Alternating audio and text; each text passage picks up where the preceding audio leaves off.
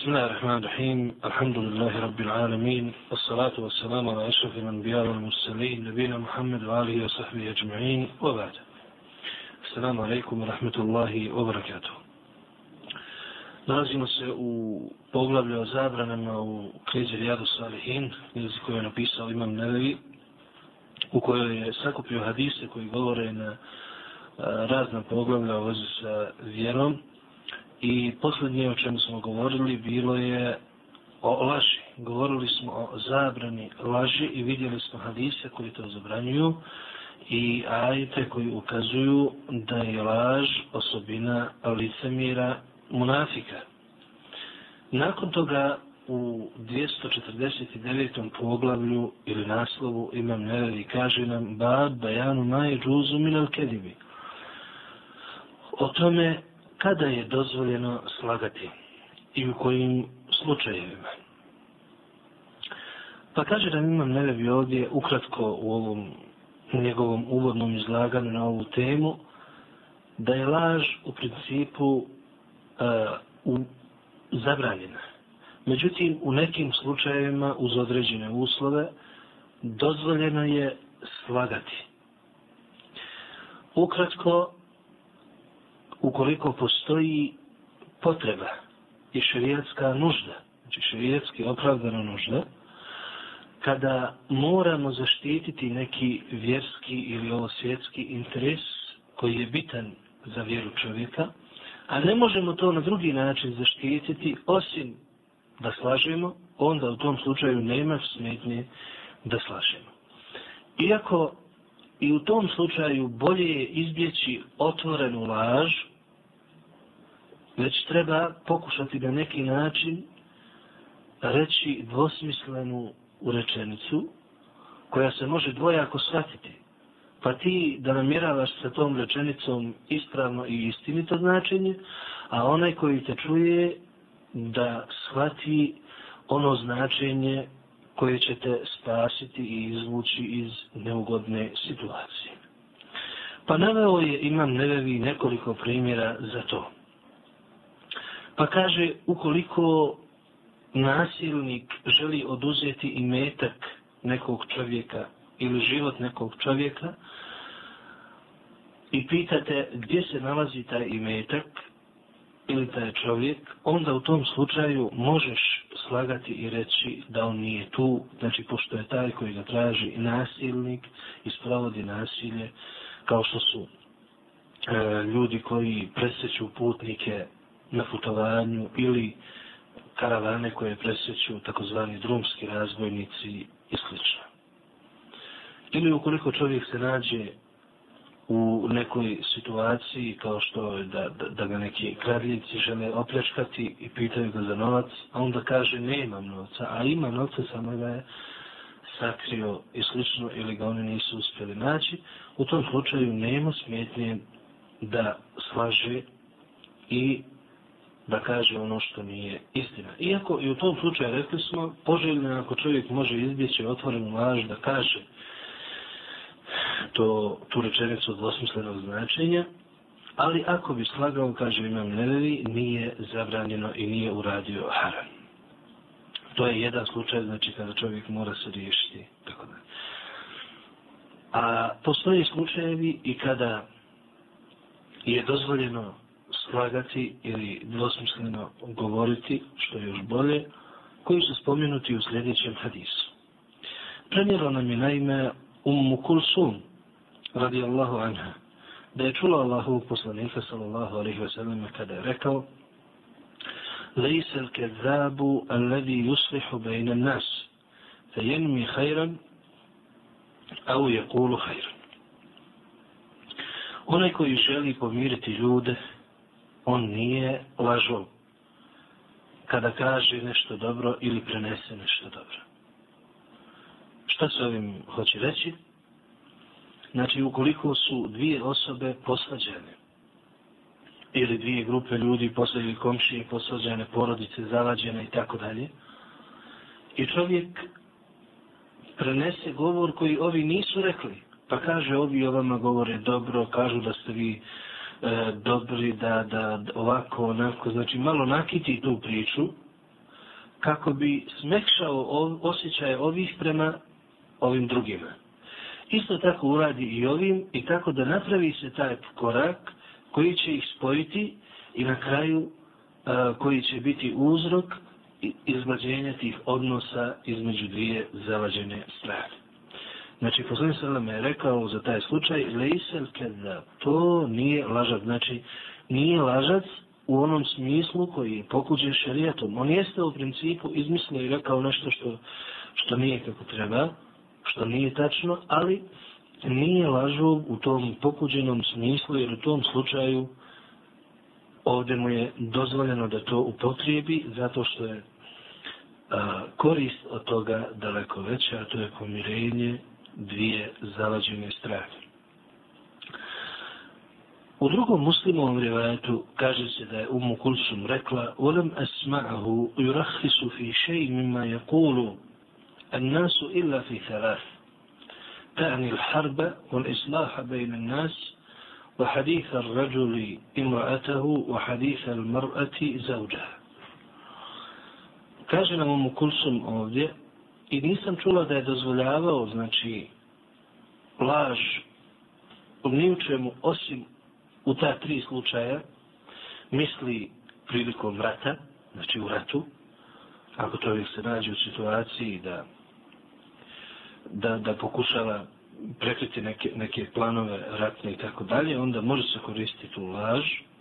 Također, pomirenje ljudi, izmirenje njihovo, izglađivanje tih E, međuljudskih odnosa i u tom slučaju, kao što smo vidjeli iz prethodnog rivajeta, koji je inače zabilježio imam Buhari i muslim u svojim zbirkama. I treći slučaj je, e, treći slučaj je kada suprug govori svoje supruzi i supruga svome mužu.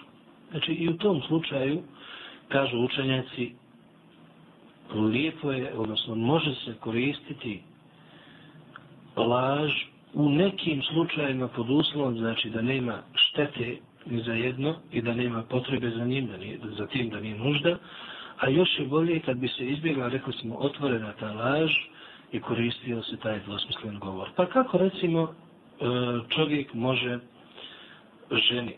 Navode učenjaci primjer da čovjek kaže supruzi ti si meni najdraža, a možda i nije. Ili da kaže ti si najljepša ili možda ili najljepše kuhaš. Recimo, žena voli da, da, da muž pohvali njenu, njenu hranu i ono što ona skuha. Iako to možda i nije baš idealno, dobro, je ovaj čovjek i bolje, ali da kaže, e, ovo je najbolje, nikad bolje nisam evo i tako dalje, nema smetnje u tom slučaju, zato što to unosi e, ljubav i, i radost u njihova srca. Isto tako i supruga mužu. Kao što je recimo nekada neka potreba žena se zadrži uh, u nekom poslu i slično, pa zakasni recimo na drugi posao, muž traži, pita šta, kako, pa ona kaže, sad će, brzo će i tako dalje i te neke slične stvari koje se dešavaju, koje izbjegavaju, znači, svađu, a donose radost i sreću, a nema štete ni za jedno od njih dvoje. Kao što je te uslove spomenuo, imam nevelju u svojoj knjizi Alaskar, zikrovi koja je i dostupna našem čitateljstvu, naime prevedena je ta knjiga na bosanski jezik. Znači, to su hadisi, ili to je hadis sa ovim drugim rivajetom koji je spomenuo imam neveri. I vidjeli smo da je laž u principu zabranjena, ali u nekim slučajevima biva čovjeku dozvoljeno slagati pod uslovima koje su Nakon Nastavljaju dalje imam Nevevi učiti nas u vezi sa prenošenjem vijesti i istinitim govorom i o laži, pa kaže nam bab al-hasu ala tefebut fima jakuluhu vahki. O tome kako je poželjno provjeriti ono što se govori i ono što se prenosi. Znači, ne bi trebao čovjek govoriti sve što čuje i sve što dopre do njegovih ušiju, jer mnogo od toga i nije istina. Rekao je Allah Đelešanu, وَلَا تَكْفُ مَا لَيْسَ لَكَ بِهِ عِلْمِ I ne povodi se za onim o čemu nemaš znanja. Znači, ukoliko je nešto neprovjereno, to se ne naziva znanje to je samo neprovjerena vijest i ono dok se ne provjeri ne može biti znanje, prema tome i nije se dozvoljeno sa njom, za njom povoditi. Zbog toga kažemo e, čovjek musliman, svjestan svog islama, mora obavezno paziti i voditi računa da samo barata i isključivo barata E, provjerenim informacijama, odnosno znanjem. Rekao je Allah Đelešanu, ma jelfizu min qavlin illa ladejhi raqibun atid, koju god riječ da izgovori, nad njim stoji budni pratilac, to jest melek koji zapisuje čovjekova dijela i čovjekove riječi. A Abu Hurajra radijallahu anhu rekao nam je da je poslanik sallallahu alaihi wa sallam rekao kefa bil mar'i kediben an yuhaddisa bi kulli man semja.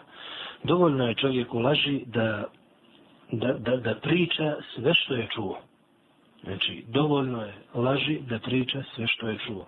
Znači, iako on nije izmislio to, ali je isto tako i laž da prenosi ono što nije tačno, a čuo je od drugih.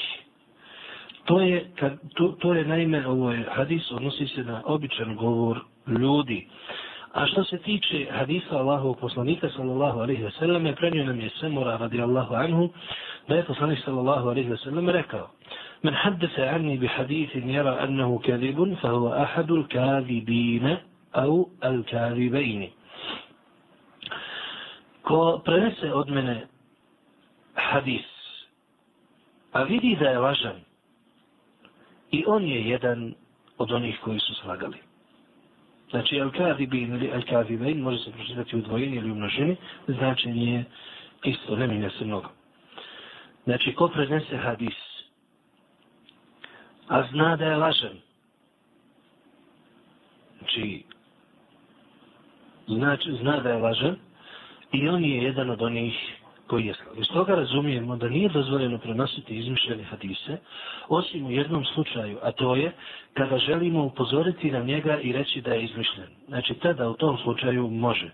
Ali što se tiče drugih slučajeva, naravno da ne može. Ako ga nije dozvoljeno prenositi, onda naravno da nije dozvoljeno ni izvoditi na osnovu tog izmišljenog hadisa nekakve zaključke i sl. A vjerujte, mnogo je hadisa koji su izmišljeni, a još je više onih koji su slabi, a i oni ne mogu poslužiti za dokaz u vjeri, i oni ne mogu poslužiti za postupanje po, po tom hadisu. I nije dozvoljeno također prenositi, osim u slučaju da čovjek želi pojasniti da je slab, e, tako da čovjek mora biti veoma oprezan i to je vađi dužnost. I ako nisi potpuno siguran da je neki hadis vjerodostojan, onda nemoj ga ni prenositi. Bolje ti je šutjeti ili reći to svojim riječima, ono što misliš, nego to pripisati Allahovom poslaniku sallallahu alaihi wasallam i tako doći pod ovaj hadis koji naziva takve ljude lašcima. A znamo da je u drugom hadisu poslanik sa sallam rekao men kede da alije fele te makadehu min nar. Ko na mene slaže, neka se pripremi mjesto u vatri. Naime, rivajet postoji predaja u predanjima u kojem se kaže ko na mene slaže, a postoji drugo predanje u kojem stoji ko na mene namjerno slaže. Oba rivajeta su ispravna, vjerodostojno prenesena u muslimovom sahihu i drugim hadisnim zbirkama.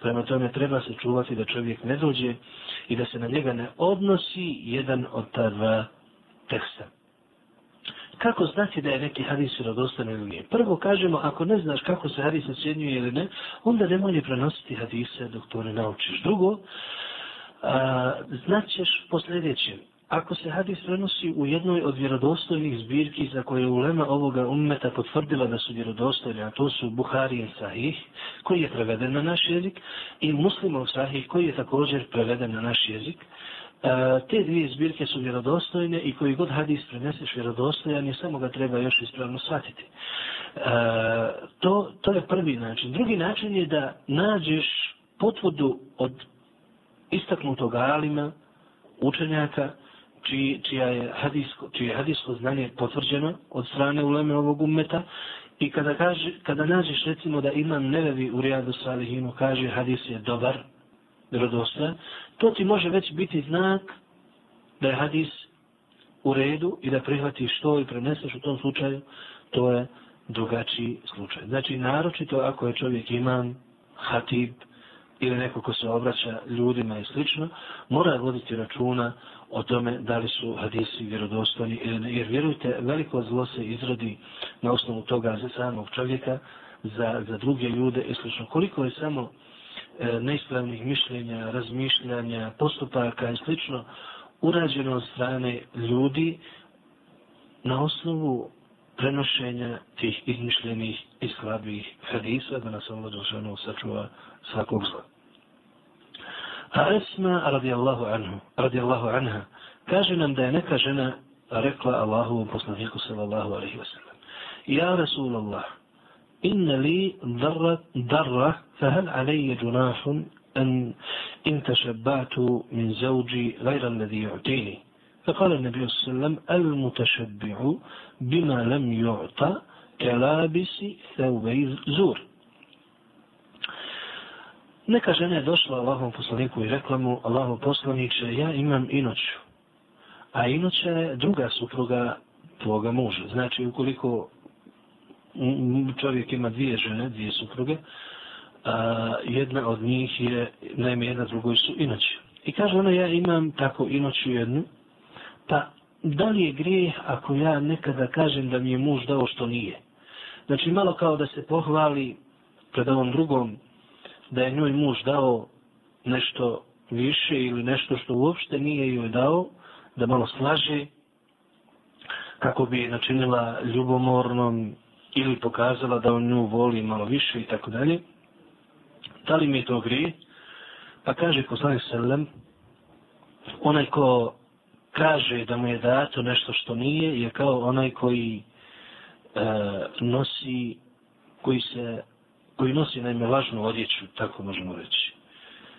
A onaj koji nosi lažnu odjeću, znači osoba koja želi se prikazati drugačijom nego što jeste, prema tome nije joj dozvolio poslanik sallam. Imam nevevi navodi primjer za tu za to oblačenje lažne odjeće, kao što je e, da neki ljudi koji uopšte nisu skromni na dunjalu, ko odjeću koja, koja ih prikazuje skromnim ili učenim ili bogatim ili tako dalje, tako da zavara ljude svojim izgledom, a on nije u principu, u principu takav. Znači nije je poslanik sallallahu alaihi ve selleme dozvolio da to slaže.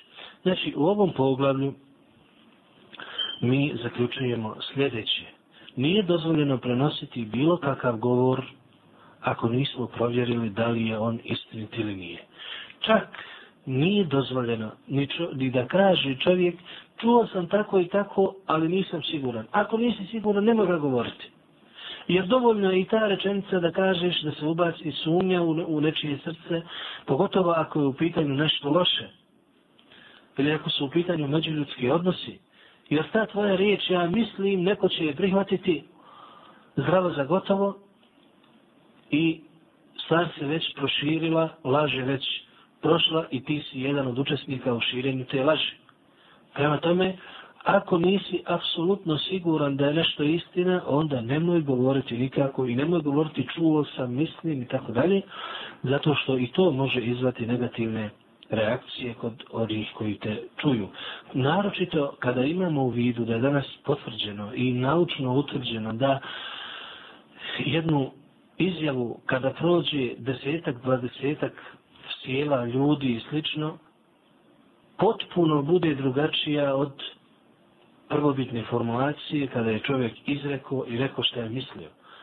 Pa ćemo se naći, pa ćemo naći situaciju da čovjek kaže nešto, I kad ponovo to prođe, jedan krug od desetak, petnaest ljudi dođe do njega sasvim nešto drugo, on to nije rekao uopšte. A zamisli još kad ti kažeš mislio sam, ili čuo sam i tako dalje, sljedeći koji će prenijeti, neće reći čuo sam, nego bila je tako i tako, peti će još dodati še i tako dalje, i laž ide kao što smo vidjeli u onom prethodnom hadisu, kada je poznanik sallallahu alaihi wa sallam rekao da je vidio onog čovjeka kako mu E, deru lice e, i, i, i sve što je u licu i tako, na, na licu i tako dalje. Zašto? Zato što bi ujutro izašao, izrekao laž, izrekao laž i ona bi se proširila i među ljudima i dostigla, došla daleko. Prema tome, dobro se treba paziti i čuvati. Mnogo je takvih neprovjerenih priča i informacija i slično, to pod znacima navoda informacija koje se rašire, a nikome ne donosi dobro i čovjek može biti među onima e, na koje se odnosi hadis fahuva ahadul kazi al kadibin, a on je jedan od onih koji su slagali tu laž. Ovo je u vezi sa govorom, običnim, običnim ljudskim govorom, a što se tiče vjerskog govora, da govorimo o ajetima, da govorimo o hadisima i prenosimo hadise, stvari je mnogo gore, stvari je mnogo opasnija i stvari mnogo žešće zabranjena. Jer rekli smo kad prenosimo hadis, pogotovo ako smo na mimberi, ako govorimo i obraćamo se ljudima, onda ljudi to prihvataju, ljudi potom ne rade, ljudi to slušaju i može se desiti jedno od dvoje. Prvo je da ljudi prihvate to i rade nešto što nema utemeljenja, a drugo je da obično ti izmišljeni hadisi nisu baš ni u skladu ni sa prirodom ove vjere, prirodom šarijeta, a kao takvi nisu ni sa razumom.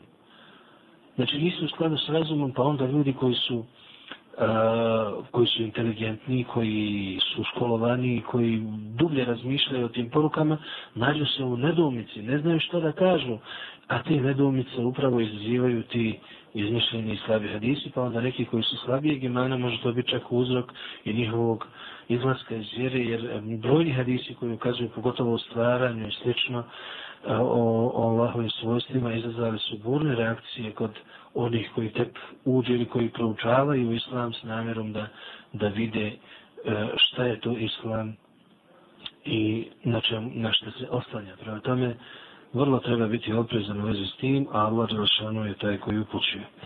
Dalje nastavlja imam nevevi i govori nam o jednom pogubnom grijehu za čovjeka, a i za druge, a to je lažno svjedočenje. Ba bejanu lila zahrim šehadeti zur o žestokoj zabrani e, lažnog svjedočenja.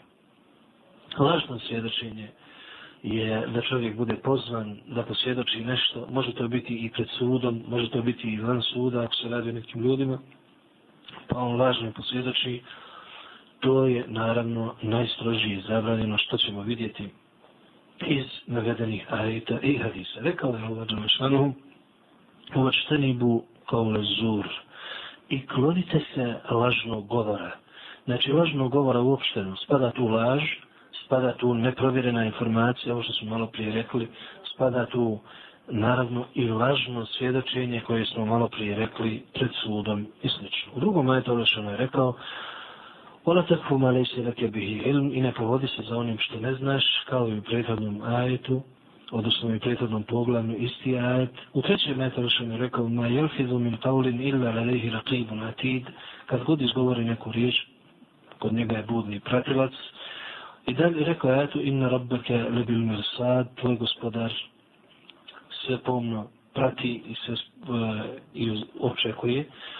U drugom ajetu rekao valadine la ješhedune zur i oni koji ne prisustvuju zuru, odnosno toj laži ili ne svjedoče zur. Naravno ulazi to, ovo je bio opis Allahovih robova, ovaj ajet, i na kraju je rečeno valadine la ješhedune zur, oni, najmanje, robovi milostivog su oni koji ne prisustuju laži.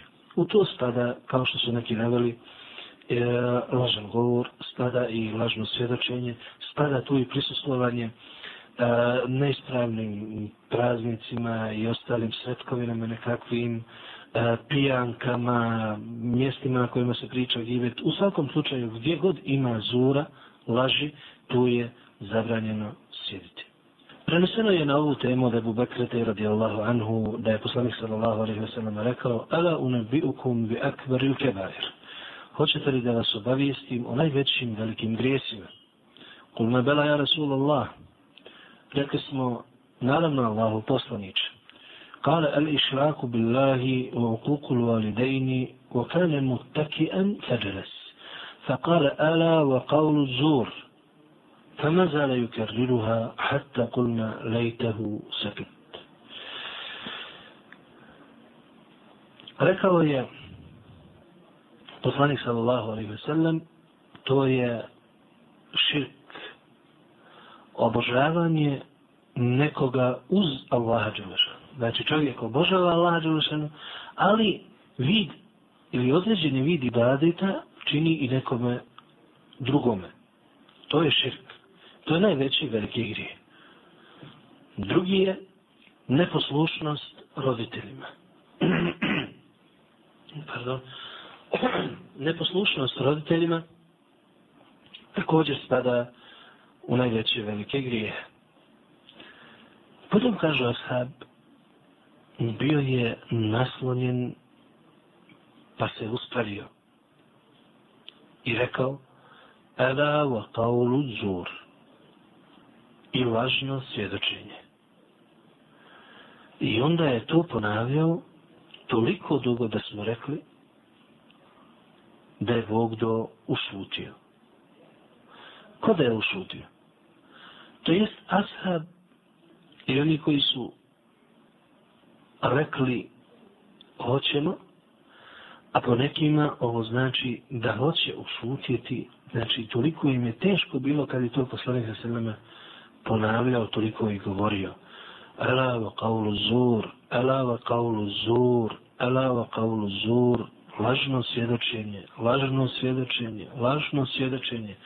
Poslanik sallallahu alaihi wa sallam je to vidimo iz ovoga često ponavljao da bi dobro to shvatili, ukazujući na veličinu toga grijeha i na njegovu pogubnost za onoga koji ga uradi, a i po onoga protiv koga se važno svjedoči. Osim ovih poruka koje su vidljive iz hadisa, to su ovi veliki grijesi, razumijemo iz ovog hadisa također da, da, da velike grijehe možemo podijeliti na najveće velike grijehe neke, i da imamo neke velike grijehe koji su ispod tog stepena. Naravno da je najveći veliki grijeh širk. Znači to je grijeh koji Allah Đelešanu neće oprostiti ako čovjek umre sa njim. Znači ako se ne pokaje od njega, onda Allah Đelešanu je tak, za takve rekao Inna Allahe la jagfiru an yushake bihi.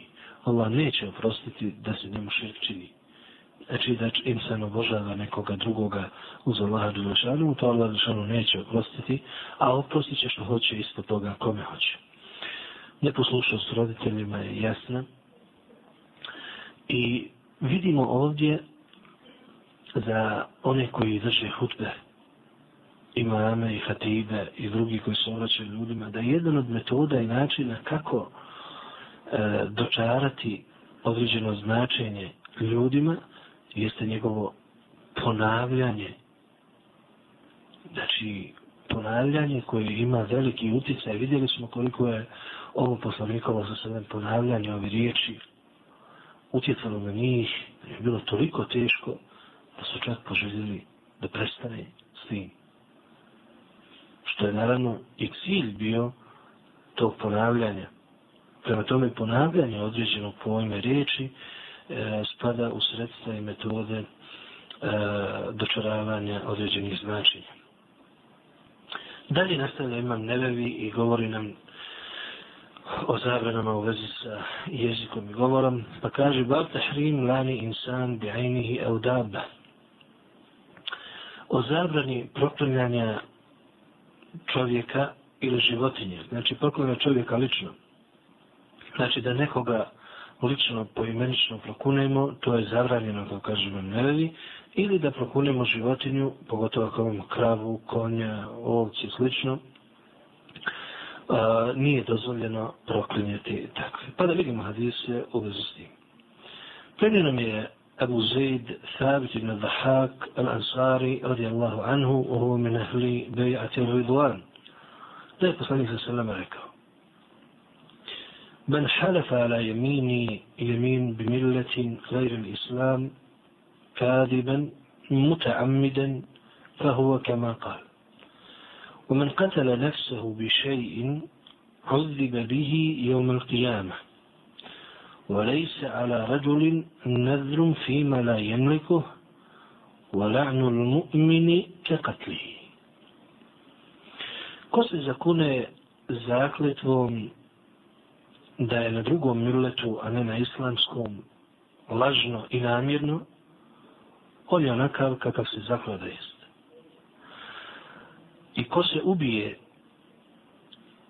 bilo kojim, bilo čime, znači alatkom nekom, tom alatkom i time čime se ubio, bit će kažnjavan na sudnjeme danu.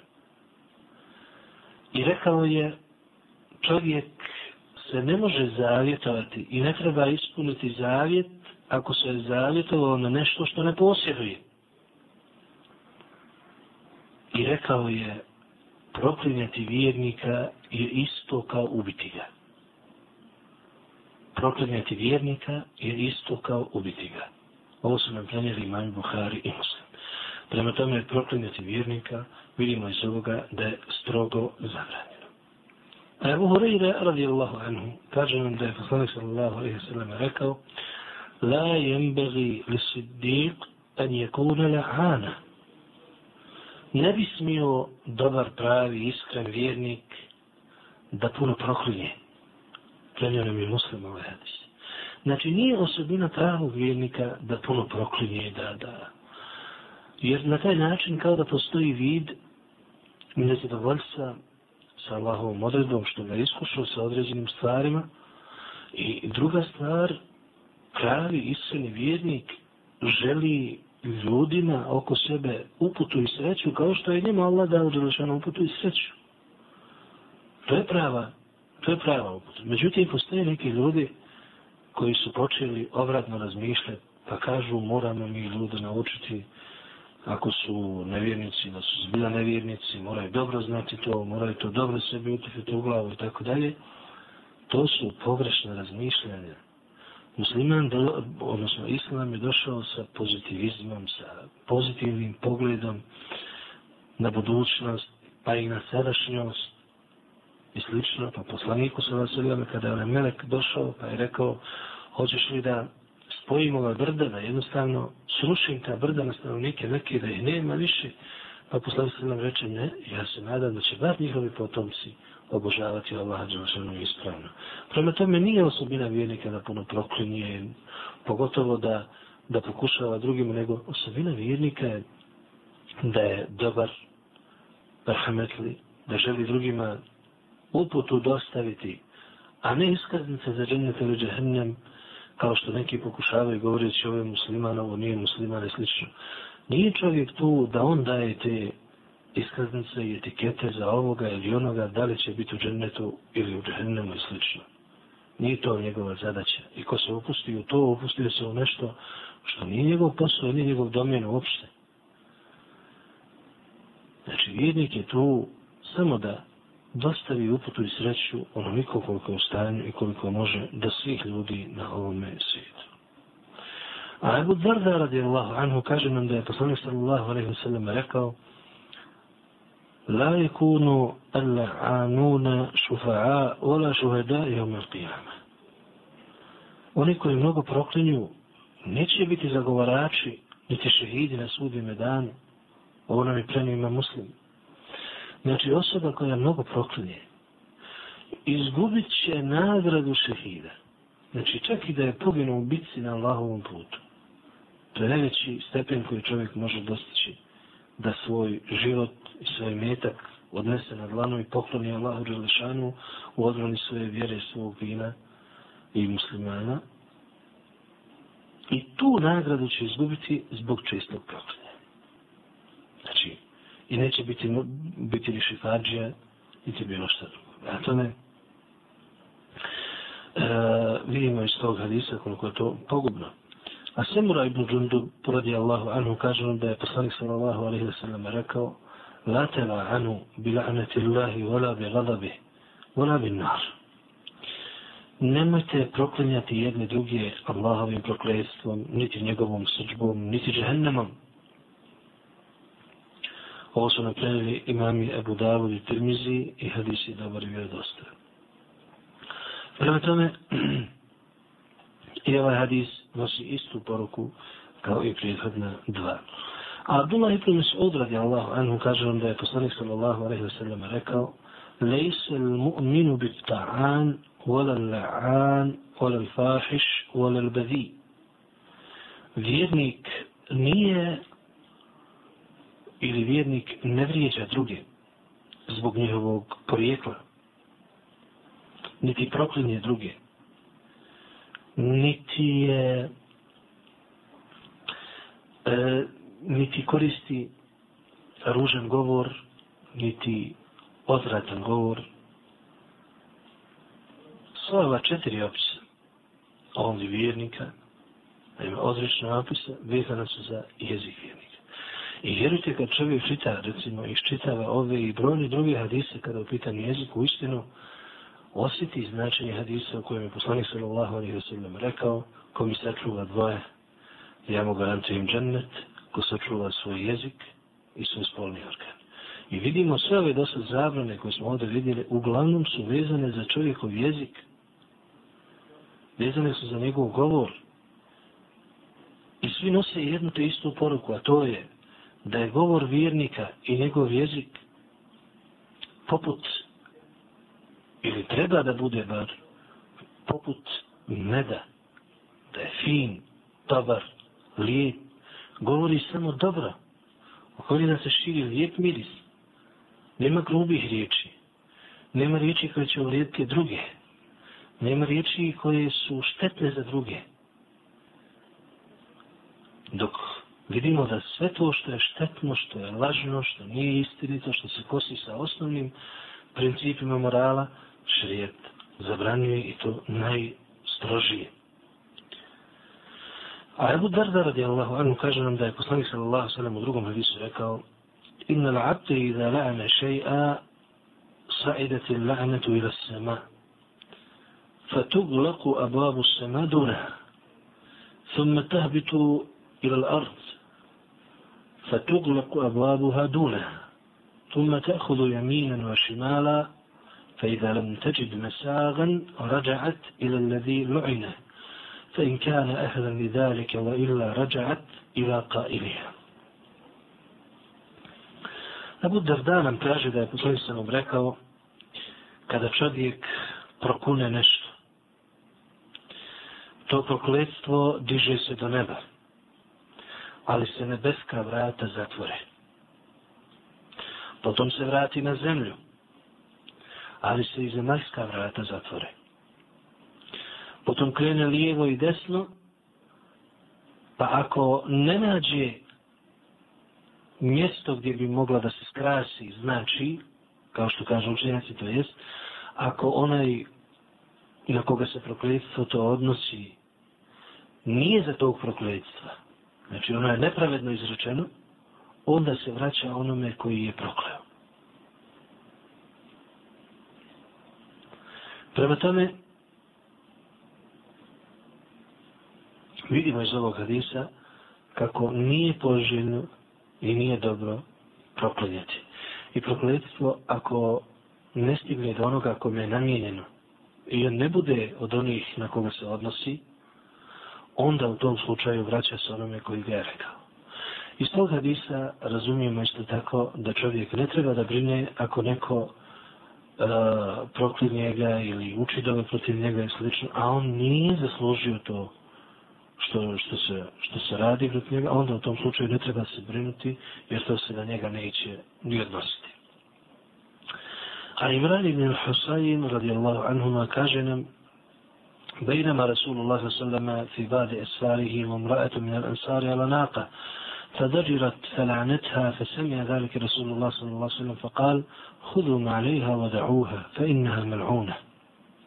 قال إمران فكأني يراها الآن تمشي في الناس ما يعرض لها أحد. Mu Imran da je poslanik sallam na jednom putovanju jedna je sarika bila je na, na devi i nešto se je naljutila na ime. Deva nije nešto poslušna bila i naljutila je ženu. I ona je prokune. To je poslanik sam je čuo. Naime, čuo je kad je ona proklela tu devu pa je rekao uzmite sve što je na njoj i pustite je neka ide. Jer ona je prokleta. Kaže nam Imran, kao da sad vidim tu devu, kako ide, hoda među ljudima, niko je ne dira. Znači, ona premio ime muslim. Znači, vidimo ovdje, isto tako kako je zabranjeno prokleti životinje, kao što je rekao on. Tako da ako imamo kravu ili konja ovce e, ili drugu neku, druge neke životinje, trebamo se strpiti da nekim određenim neugodnostima, a nikako odmah proklinjati.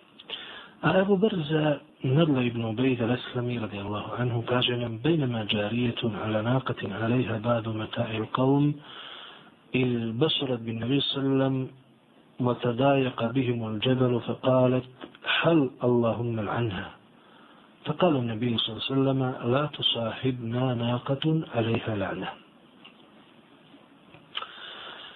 كاجنا أبو برزة ذلك ماذا žena, mlada djevojka, bila na, na devi na kojoj se nalazile i određene stvari ostalih putnika. Pa kada su se popeli na jedno brdo, deva je počela da se ponaša uh, onako drugačije, počela je malo da uh, bude neposlušna, pa je ona rekla, stani, Allahu moj prokunije. Znači, Allahu moj, neka je na nju tvoje prokletstvo. Pa je posle se nam rekao, nemoj da s nama ide prokleta deva. Znači, nemoj da s nama ide u istom društvu deva na kojoj je prokletstvo. I ovo nam je prenio imam muslim. Na dva hadisa koje je prenio Ibrahim Husain i Ebu Barza Reslami, imam nevevi kaže nam da bi mogu, da ih je malo poteško shvatiti, iako nisu problematični kada se dobro izanalazi i e, naime E, dobro shvate. Kaže on, ova zabrana da bude deva s njima odnosi se samo na to, ali je tako devu dozvoljeno prodati, zaklati i jahati kada nema poslanika u tom društvu. Znači, sve što je, osim ovoga što je spomenuto u hadisu, da bude u tom društvu, naime, dozvoljeno je i nije zabranjeno. Tako kaže Imam Nevevi što se tiče fikskog pogleda na ova dva hadisa. Prema tome, iz ovih hadisa možemo zaključiti da je zabranjeno proklanjati određene ljude poimenično, životinje ili bilo što drugo i najbolje je pokušati izbaciti proklanjanje iz svog riječnika uopšte, ne koristiti ga, to je najbolji način, a ako je moramo, onda vidjet ćemo dalje imam nevi nastavljaj